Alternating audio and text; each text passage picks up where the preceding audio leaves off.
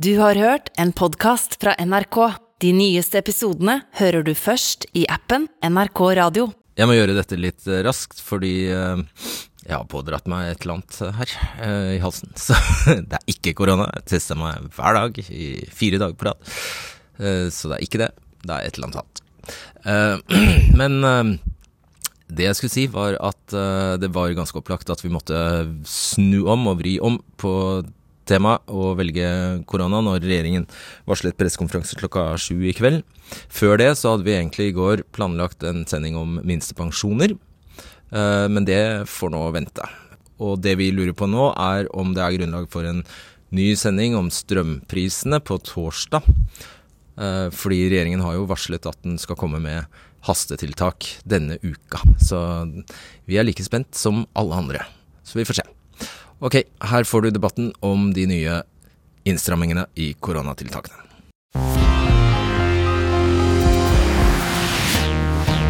3 prosent av de innlagte på norske sykehus er covid-19-pasienter akkurat nå. 3 prosent. Men statsministeren sa i kveld at vi er nær en overbelastning av helsevesenet. Og så sa han at vi på mange måter er tilbake til start. Ja, nettopp. Velkommen til debatten. Og La oss si da at vi greier å slå ned smitten enda en gang. At vi eh, kan ha nok, en gjenåpningsfest i la oss si mars. Hva da? Skal vi da åpne opp for å leve fritt i noen uker, for så å gå på med nye tiltak når viruset har mutert enda en gang? Hvor lenge skal vi holde på med dette her, og hva er planen? Du kan delta i diskusjonen på nrk.no og komme med dine meninger om de nye tiltakene.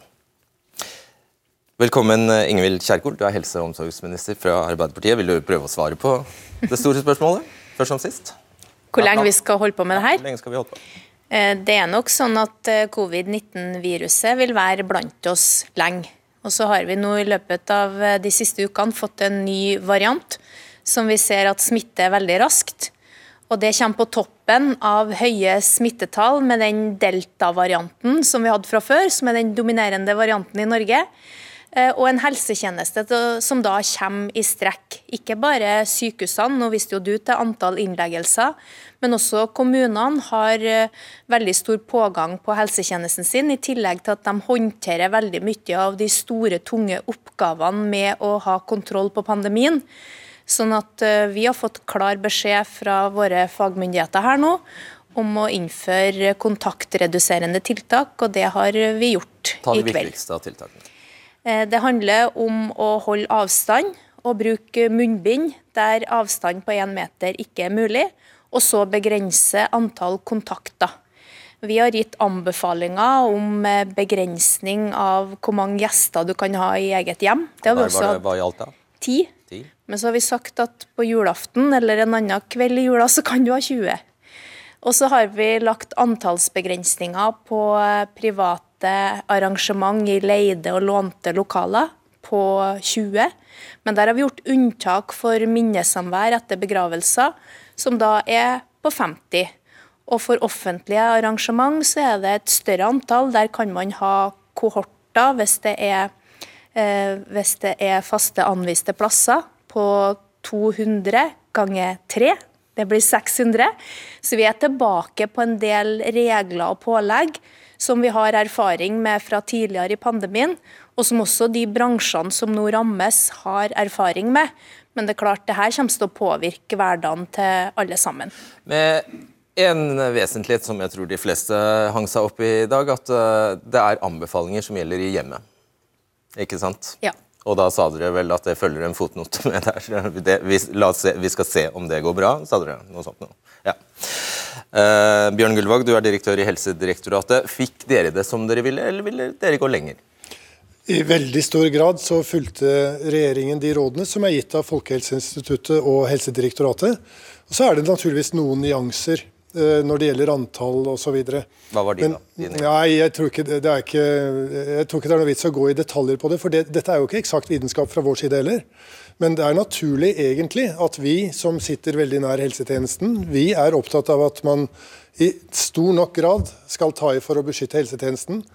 De brede samfunnshensynene de må regjeringen ta. Ja. Eh, Camilla Stoltenberg, du er direktør i Folkehelseinstituttet. Dere skriver selv i risikorapporten som dere la ut i dag, det er lite sannsynlig at omikron-varianten gir mer alvorlig sykdom hos vaksinerte. Kanskje gir den mindre alvorlig sykdom. Dere hadde vel ikke skrevet det hvis dere ikke var nokså sikre på det? Jo, vi er ikke nokså sikre på det. Vi er svært usikre på det, men gitt det vi nå vet, så er det det vi skriver. Det står faktisk litt lenger oppe, bare foran den tabellen. Burde antagelig skrevet inn i samme setning, så vi ikke blir misforstått. Eh, vi er usikre på det. Det vi nå vet, tyder på at det er slik. Og Hvis dere er så usikre, hvorfor er resultatet da ytterligere innstramminger? For alle? Det vi ser allerede nå, det er en veldig rask smittespredning med en variant som kanskje er like sykdomsfremkallende, kanskje litt mindre. Men selv om den skulle være litt mindre sykdomsfremkallende eller like, så er det et stort problem. At veldig mange blir smittet veldig fort, vil bety at det også er en god del som vil trenge sykehusinnleggelse raskt i løpet av de nærmeste ukene. Og det kommer i tillegg til de som er innlagt pga. delta-varianten. Okay. Da skal vi ta en eh, resten her. Det er Mette Kallager, lege og professor eh, ved Oslo universitetssykehus. Det er Jan Helge Dale, kommuneoverlege i Kinn i Vestland, som er med oss på FaceTime. Og så er det Snorre Valen, som er redaktør i Trønderdebatt. Velkommen til dere.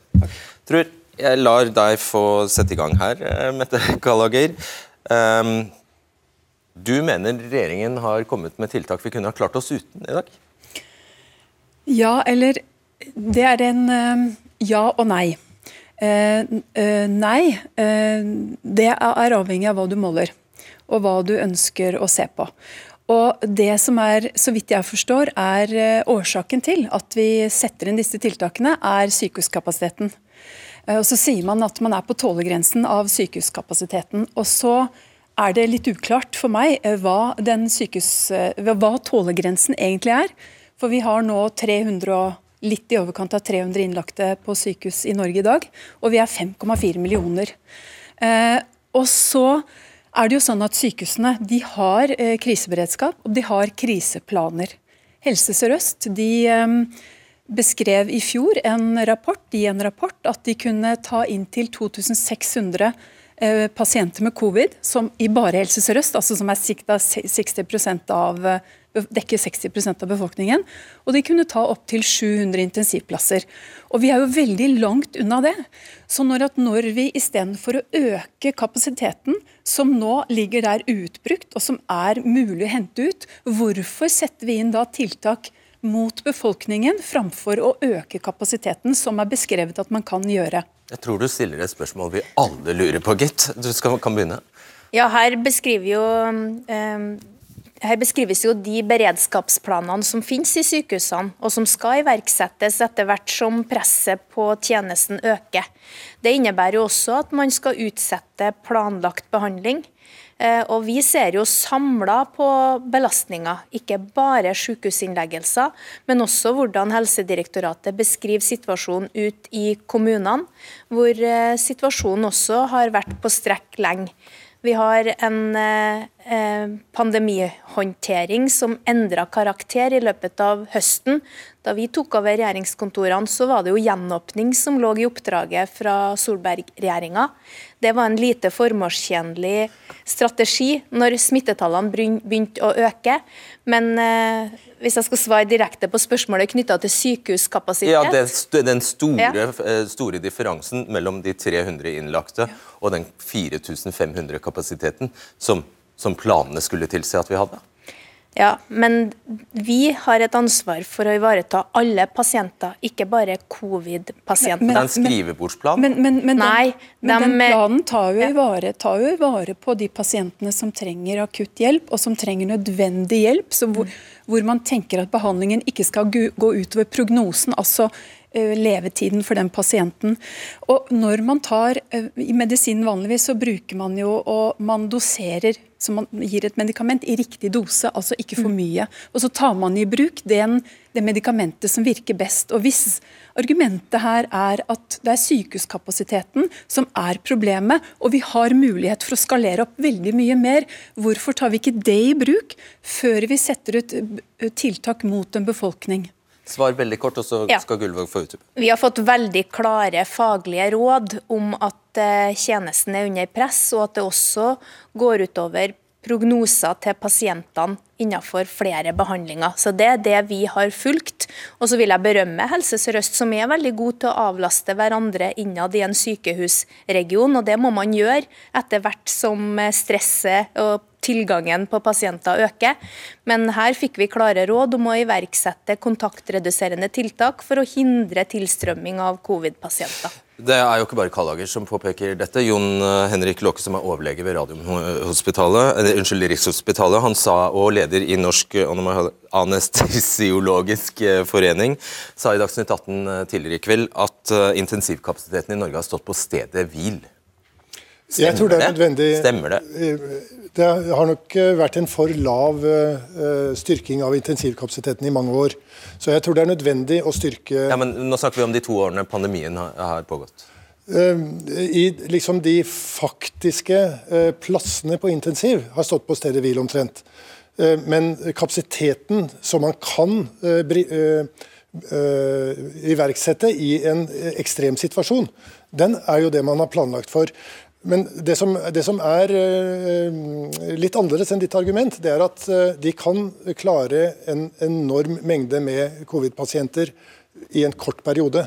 Men de kan ikke stå over det i en lang periode, for da må de prioritere, prioriterer ned andre grupper. Men, men, hva er terskelen da? Hva tenker dere som styr? For det er det jeg lurer på. Hva er terskelen deres? Når, når tid skal man øke kapasiteten? Når er vi på bristepunktet? For det har vi hørt nå i hvert fall den siste uken, at vi er på bristepunktet kapasitetsmessig. Eh, og da lurer jeg på når er vi på brist? Altså, vi er 300 innlagte, eller 320, da. Og, vi, og vi, i Helse Sør-Øst kan skalere ja, opp til 2600. Det er ti ganger så mange 30% av pasientene nå som ligger inne på intensivavdelinger som har covid. Eh, hver eh, covid-intensivpasient ligger i snitt eh, åtte dager. Det vanlige er to dager. Men du svarer jo ikke på spørsmålet mitt om terskel. Altså, Nei, hvor mange skal den, vi tåle? Den, er det 500? Er det 1000? Den, den, terskelen finnes ikke. For det, det Men vil det ikke bli veldig lett for dere om 14 dager å sette nye tiltak, da, fordi vi ikke får ned smittetallene? Allerede nå har man begynt å prioritere ned Eh, en del grupper med kroniske lidelser som har behov for elektiv behandling. Og eh, Jo flere man får eh, liggende inne, og spesielt på intensivavdelinger, så må man avvikle en del av de behandlingene som man kunne gitt til alvorlig syke pasienter. Okay, vi fortsetter aldeles straks. Jeg skal bare få med oss deg også, Jan Helge Dale. Du er som sagt kommuneoverlege i Kinn kommune i Vestland. God kveld til deg. Kveld. Eh, Kanskje er vi tjent med å se på koronaviruset som mer enn vanlig luftveisinfeksjon som folk vaksinerer seg mot én til to ganger i året, sa du tidligere i kveld til eh, NRK. Vil du utdype det? Altså, jeg tror nok at litt av den, jeg skjønner jo at vi er i en vanskelig situasjon i landet nå, og at det er mye usikkert. Men det vi ser i alle fall nå etter to år, det er jo at eh, det går jo stort sett veldig bra med de, med de aller fleste som blir smitta av covid. Og jeg kunne nok etter hvert ønske meg en kommunikasjon der vi ser på at dette her er en tilstand vi må vare med over tid. Pandemier har en tendens til å vare i mange år. Og det å stenge, opp, stenge ned og åpne opp eh, fortere og fortere, det tror jeg ikke er en tjenlig måte å kommunisere hva vi holder på med. Så jeg skulle nok ønske en litt mer sånn eh, kronikerkommunikasjon framfor den akuttmedisinske kommunikasjonsforma som vi opererer med nå. Camilla Stoltenberg, eh, ja, du kan få svare, men du, du kan også få svare på Ja, eller svar. skal jeg ta mitt spørsmål etter. Ja, jeg vet ikke helt hva spørsmålet er. Altså, spørsmålet at man må begynne om, å håndtere det, ja, men, dette viruset det, det er vi enig i, at vi må gå i den retningen. Eh, men det som vi ser akkurat nå, er jo en ny virusvariant som vi eh, ikke kjenner, og som potensielt kan se ut til å gi veldig mange flere som blir alvorlig syke og innlagt på sykehus i løpet av de nærmeste ukene. Eh, hvis vi setter inn tiltak nå, så kan vi forhindre det. Det beste som kan skje, er at vi tar feil. Eh, og det kan det hende vi gjør. Men det er såpass godt grunnlag for å si at det faktisk smitter mye mer, og at det ikke ser ut til å være mindre sykdomsfremkallende. og Dermed så er det nødvendig med tiltak nå. Bare oppklare en jeg tror det er vesentlig, en oppklare, oppklare en sak. Er det sånn at denne pandemien ikke er over for enten alle, og da mener jeg 100% er vaksinert, kanskje ikke bare i Norge, men i hele verden, eller, og eller kanskje, at alle har fått infeksjonen? Er det, så, er det sånn? Først da er det over? Eh, ja, det kan du si at eh, alle vil ha fått den, eller noen få vil ikke ha fått den. Men, men det viktigste er at vi eh, enten har vaksiner som kan tilpasses veldig raskt til nye varianter, og eller at vi får mange nye varianter som ikke spiller så stor rolle, fordi de ikke gir så mye sykdom. Ikke sant, Men da har vi jo skjønt at det tar jo dessverre fem måneder kanskje å utvikle en ny, ny vaksine. Så da er, egentlig, da er, vi egentlig litt tilbake til, til det han spør om. Når skal, legge, når skal dere legge en annen plan enn at vi hele tiden åpner og lukker og åpner og ja, lukker. Altså det, men det, hvis du tenker på hva vi har gjort med delta-varianten nå i høst, så er det jo nettopp å si vi tåler ganske mye smitte. Vi vet at vaksinene virker. Det gjelder å få vaksinert også med tredje dose. Og vi har tenkt inntil omikron kom at det ville være nesten helt tilstrekkelig. Bare det å sørge for raskt å vaksinere med tredje dose og fortsette å vaksinere med første. Og legge på bitte lite grann til. Okay. Når omikron nå har kommet, og den ser ut til å være såpass ulik den forrige varianten vi hadde, den som dominerer fortsatt, delta, så er vi i en annen situasjon, i hvert fall i en periode. Snorre Valen, du er som sagt redaktør i Trønderdebatt, og du skriver i dag at myndighetene snart har fått litt, eh, må snart ha fått litt trening i å sørge for litt, noe forutsigbarhet for de mest utsatte mm. næringene. og Du er jo også bekymret for, eh, for, borgerne generelt. Hva er det med denne strategien som ikke helt fungerer? mener du? Eh, problemet er at eh, alle vi som er i studio nå, vi, vi, det er veldig lett for oss å si at tiltakene er viktige og riktige og lett å slutte opp om. Men det alle vi har til felles, oi, beklager, alle vi har til felles, det er at vi har god jobb med god lønn.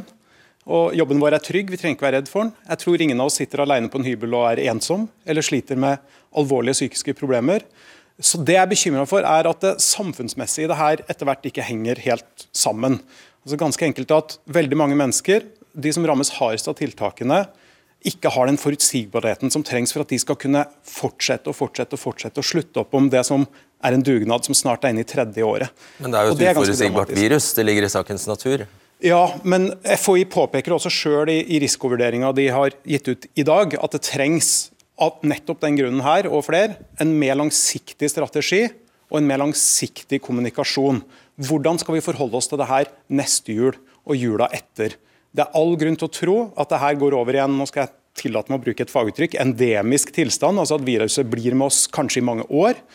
Og Da er det ganske avgjørende for de som jobber i serveringsbransjen eller kulturnæringa eller barn og unge som har spesielt stort behov for fritidsaktiviteter, at man vet hvordan neste vinter blir og neste vår blir. Og Det er egentlig en selvfølge i et fritt demokrati. Da kan vi ikke bare lene oss på at hele bransjer og hele grupper i samfunnet skal leve fra pressekonferanse til pressekonferanse. Vi kommer til det med penger. Vi er tilbake til da vi begynte. Hva er planen? Ja, Vi tok over en plan som ikke var formålstjenlig. og Da har vi jo måttet brukt litt tid på å revidere den. Eh, det som er viktig gjennom vinteren nå, det er å ha kontroll på pandemien. Og med kontroll så er det å passe på at ikke helsetjenesten blir overbelasta. Hva gjør vi neste vi... år da, hvis vi er i samme situasjon? Ja, det er jo spørsmålet. Nå fikk ikke jeg snakke ferdig, Nei. da, Solvang. For vi har lagt opp til at vi i april, når vintersesongen er ferdig, så skal vi gjøre en ny revidering av planen. og Da må vi ha et mer langsiktig perspektiv, som Snorre Valen etterlyser. Men nå er det viktig å håndtere situasjonen fra en dag til neste. Vi har veldig høye smittetall, vi har høyt antall innleggelser, og det er veldig høy prosent på de testene som tar, som er positive. Og vi har fått en ny smittsom variant som vi ikke kjenner alle egenskapene til ennå er du kort. Ja, ja, Poenget mitt er bare at jeg tror vi trenger å gjøre begge deler nå. Uh, vi trenger flere kritiske spørsmål, mer debatt, mer planlegging av tida som kommer. og Det handler ikke om noe mistillit til det, de tre som står her. Det handler tvert imot om at det er måten vi vanligvis kvalitetssikrer beslutningene som tas i et demokrati. Og Hvis det stadig oftere blir sånn at beslutninger som er fryktelig viktige for folks liv, skjer i form av pressekonferanser der det ikke finnes noen måte å gi innspill på, så, så tror jeg det gir en ganske sterk slitasje i tilliten for, for altfor mange mennesker i Norge. Det er, det er tilliten ja, du også er opptatt av? Ja, åpenbart. Og ikke, ikke, minst forutsigbarheten. Og det holder ikke å si at det er, veld, det er, veldig mange som ligger inne. Det er 320 som ligger inne i dag. Så vi må forholde oss, vi, vi må få vite litt mer. Vi må forstå litt mer. Hvordan er det dere tenker? Og dette med sprengt kapasitet, når det er så stor mismatch mellom hva som sykehus, eller foretakene sier at de kan håndtere, og hva de faktisk håndterer, så blir det veldig underlig for oss som kjenner sykehusvesenet godt. Og jeg kjenner som vi snakket om i sted, at det å komme med kritikk det er jo vanskelig, for vi forstår jo at dere står i en vanskelig posisjon. Og til nå så har jo har det vært, av denne regjeringen har det vært en veldig sånn tydelig holdning at la oss, la oss, observere, la oss vente og se. For det er mange ting som betyr noe i noe samfunn. Og vi kan ikke tillate oss at sykehuskapasitet og at slitne sykehusmedarbeidere får diktere hvordan vi skal ha vårt samfunn. Og det er en viktig debatt. Derfor blir det veldig viktig. Derfor gnager jeg på dette. Hvor går grensen?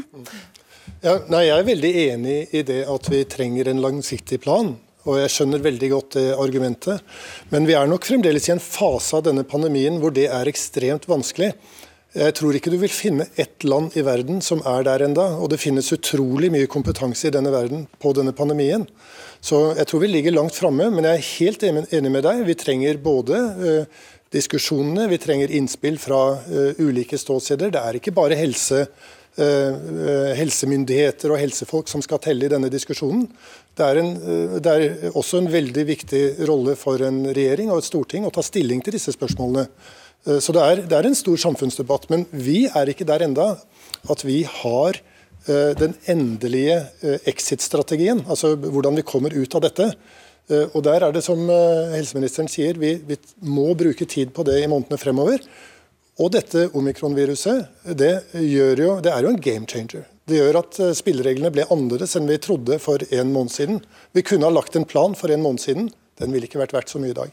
Eh, ja, Jan Helge Dale, eh, jeg har skjønt det sånn at eller Mye av årsakene her som kommer på toppen av alt annet, er at det er mye sykdom og mye forfall også blant de personelle i helsetjenesten. Så det kommer liksom bare på toppen av, av alt. da.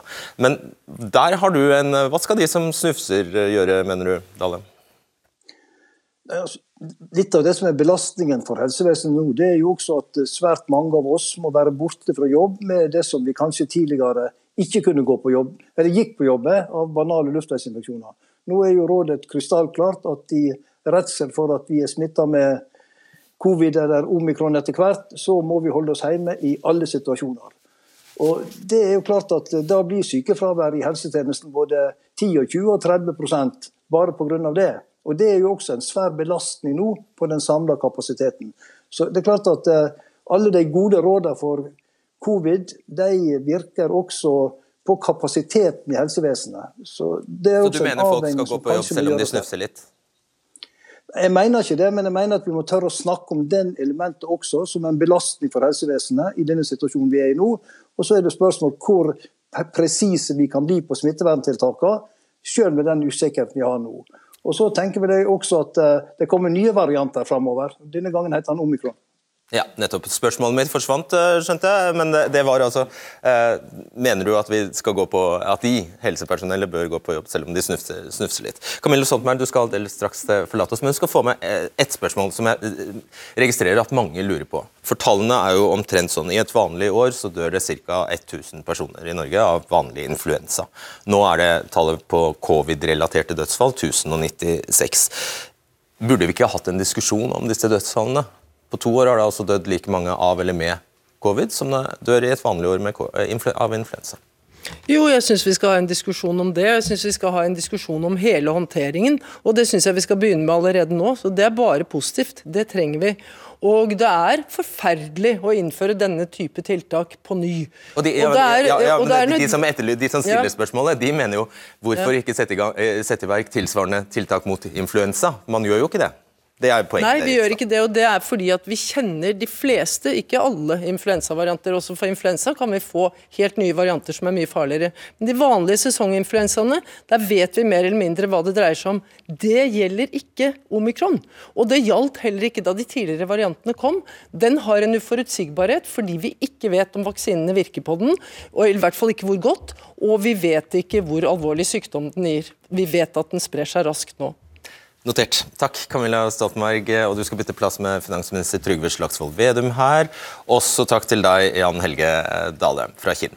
Og Vi får inn som sagt Vedum og ikke minst Stian Sigurdsen fra Virke. For de fleste av oss er jo dette puton, selvfølgelig, å måtte begrense livet på denne måten. Men for de som lever av at vi samles, så er det jo krise.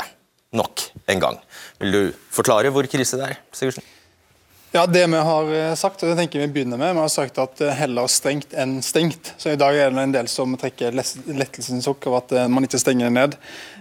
Når det er sagt, så det som kommer i dag, det er stengt. Dette skaper usikkerhet. Dette kommer virksomheten til å merke.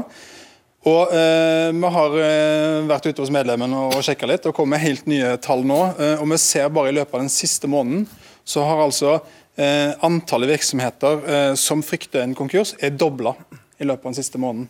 Og vi ser at De som vurderer permittering, er tredobla i løpet av samme periode. Og Hvem er medlemmer hos deg igjen? Det er innenfor handels- og tjenestenæringen. Eh, det vi snakker om her, er særlig innenfor eh, kultur, reiseliv eh, osv. Men varehandel alle andre steder er inne hos medlemmer hos oss. Ja, Hva svarer du til dette, Vedum? Ja, det skjønner jeg veldig godt. Og Vi i regjeringa var veldig opptatt av når vi nå skulle innføre strengere smitteverntiltak, at det skulle komme økonomiske ordninger i samtid. Fordi det, er klart det skaper bekymringer hvis du driver en liten restaurant eksempel, og så kommer den type tiltak. Hvordan er framtida til bedriftene? Det er derfor vi nå kommer til å få en sånn nasjonal kompensasjonsordning igjen. Eh, som kan gi en Det gjør jo ikke, gjør ikke livet rosenrødt, men det kan gjøre det litt mindre vanskelig.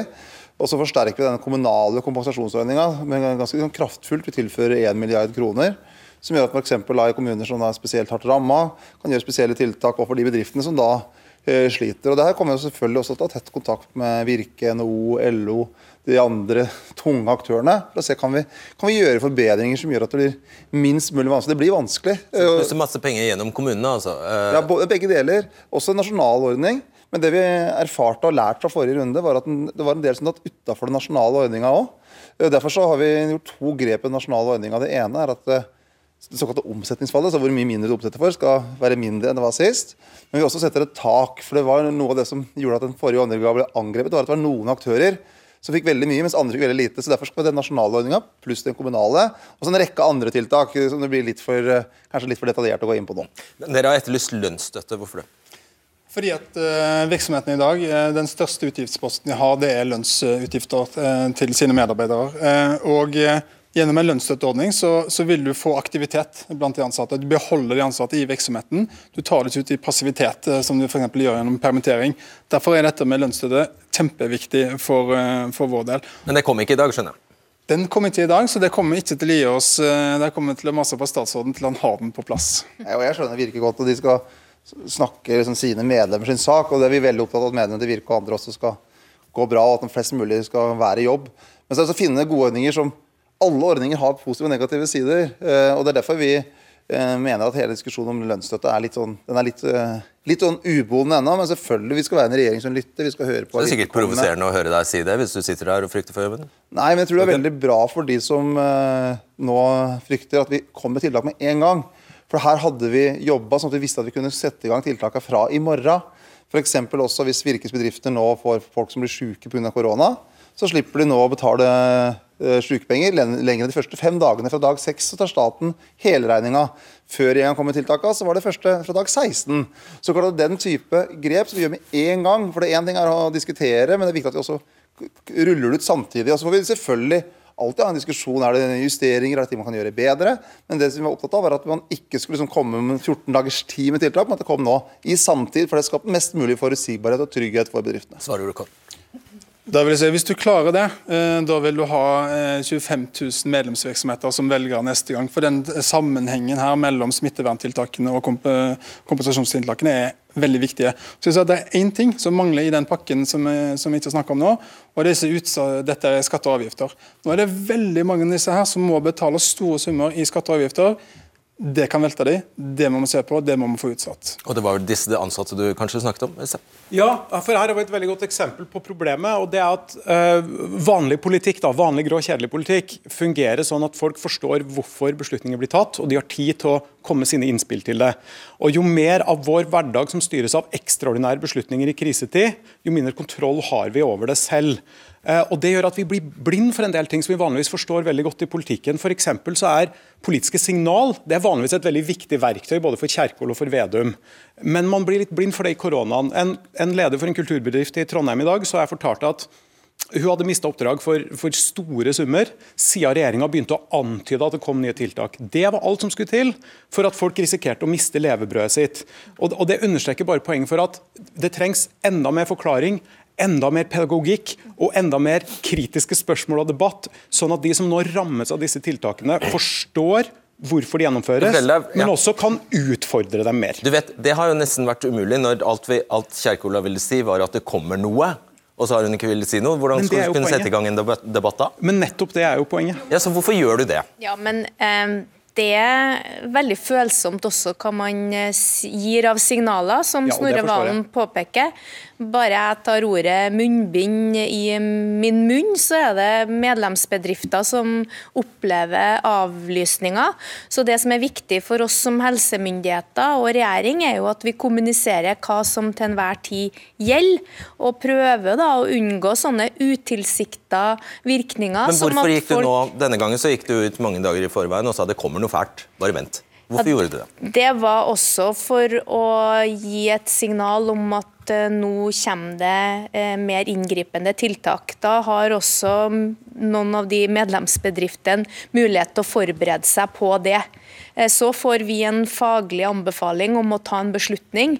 og Vi skal ha offentlig debatt om alle politiske beslutninger. Jeg er enig med Snorre Valen i det.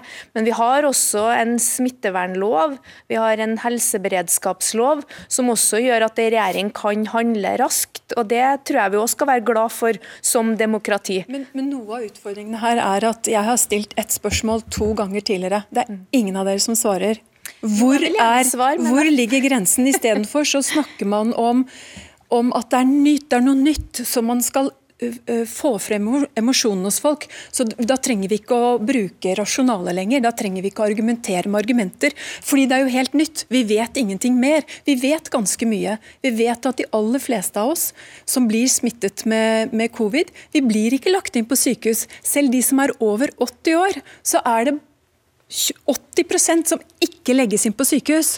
Og for de yngste så er det 99,9% som ikke legges inn på sykehus. Det vet vi. Vi vet at nye, den nye omikron er mer smittsom.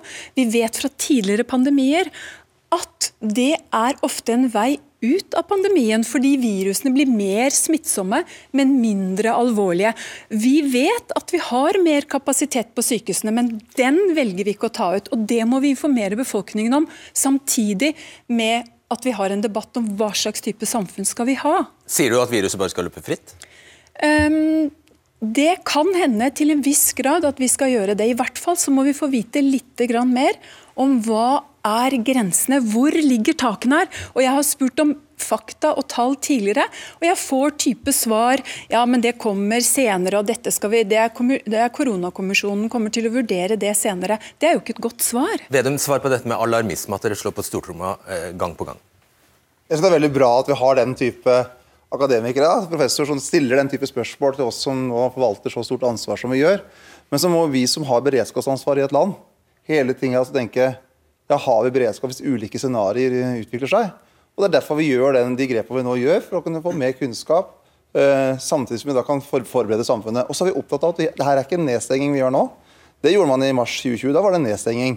Nå skal vi jo folk kunne gå på restaurant, eller gå i butikk, eh, prøve å leve mest mulig normalt, men at vi har da færre kontakter, litt større avstand, bruke munnbind, og økonomien skal være i gang. Så det er helt annerledes enn det man gjorde i mars eh, 2020, for samfunnet har lært, okay. og vi klarer å takle det bedre. Så, men, men nettopp derfor er det så viktig at eh, Kallager og andre utfordrer oss. Går dere for langt, går dere for kort? Men vi mener at vi finner en god balanse. Nå skal vi da ha erfaring med det her en måned, og så skal vi også ta en mellomevaluering i 14 dager og se om det er ting vi kan justere på. Og så er det jo, Jeg syns det er litt urettferdig å, å kritisere Vedum og Kjerkol først og fremst for å slå på stortromma. fordi Noe av problemet her er jo at det er jeg som står her og stiller kritiske spørsmål, og ikke opposisjonen på Stortinget.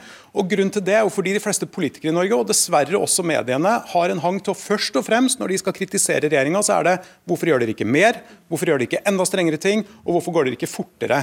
Og Det er jo problemet. Jeg skal innrømme en ting, vi inviterte dem ikke, nettopp av den grunn. ja. For du visste hva de kom til å Vi visste si. hva de kom til å si.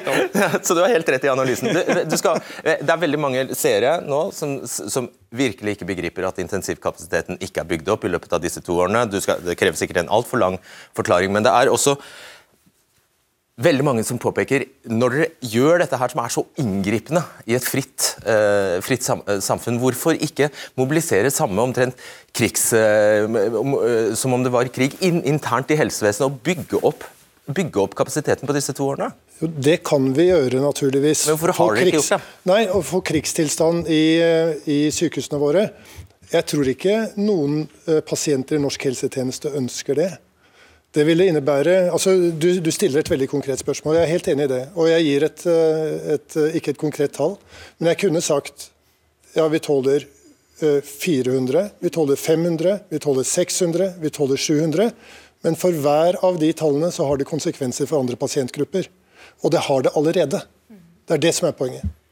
Ja, jeg kan jo svare på det, og det er helt åpenbart. Men det er også sånn at jeg har jobba på sykehus. Det er pasienter som kommer på sykehus med tilstander som ikke er akutte, som selv om de er kroniske vi, vi, vet at vi driver med for mye medisin. Vi driver med overbehandling av ortopediske lidelser f.eks.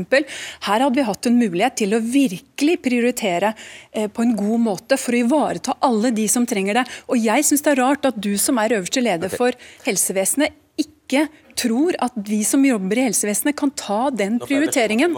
Ja. Det, det, det, var en så direkte ja, okay, den, den, uh... Vi må få fram at det er hele helsetjenesten vi snakker om. Og legevakta og fastlegene de får ikke en ferdig rettighetsbehandla pasient, sånn som dine kolleger på sykehuset. De har det som heter en usikker uselektert pasientpopulasjon. De må være i stand til å gi forsvarlig helsehjelp, de òg. Så vi ser på helheten. og Derfor kan vi ikke ha et tall som sier at nå iverksetter vi det, nå iverksetter vi noe annet. Jeg håper det var starten på den debatten du etterlyste, i det minste, Snorre Valen. vi setter strek der, og neste gang vi er tilbake, det er på torsdag. Og hvem vet, kanskje regjeringen og du, Trygve Slagsvold Vedum, da har nyheter til oss eh, som dere har lovt dere skulle komme med denne uka, om strakstiltakene for strømkundene? Vi får, vi får se på torsdag. Ok, da. Greit. Vi ses.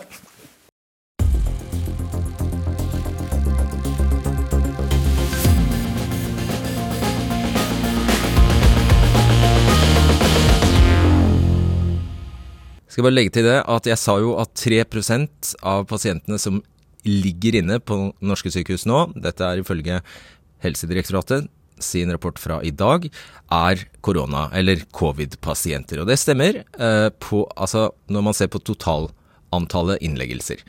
Eh, det er 30% av de som er innlagt på intensiven, som er koronapasienter.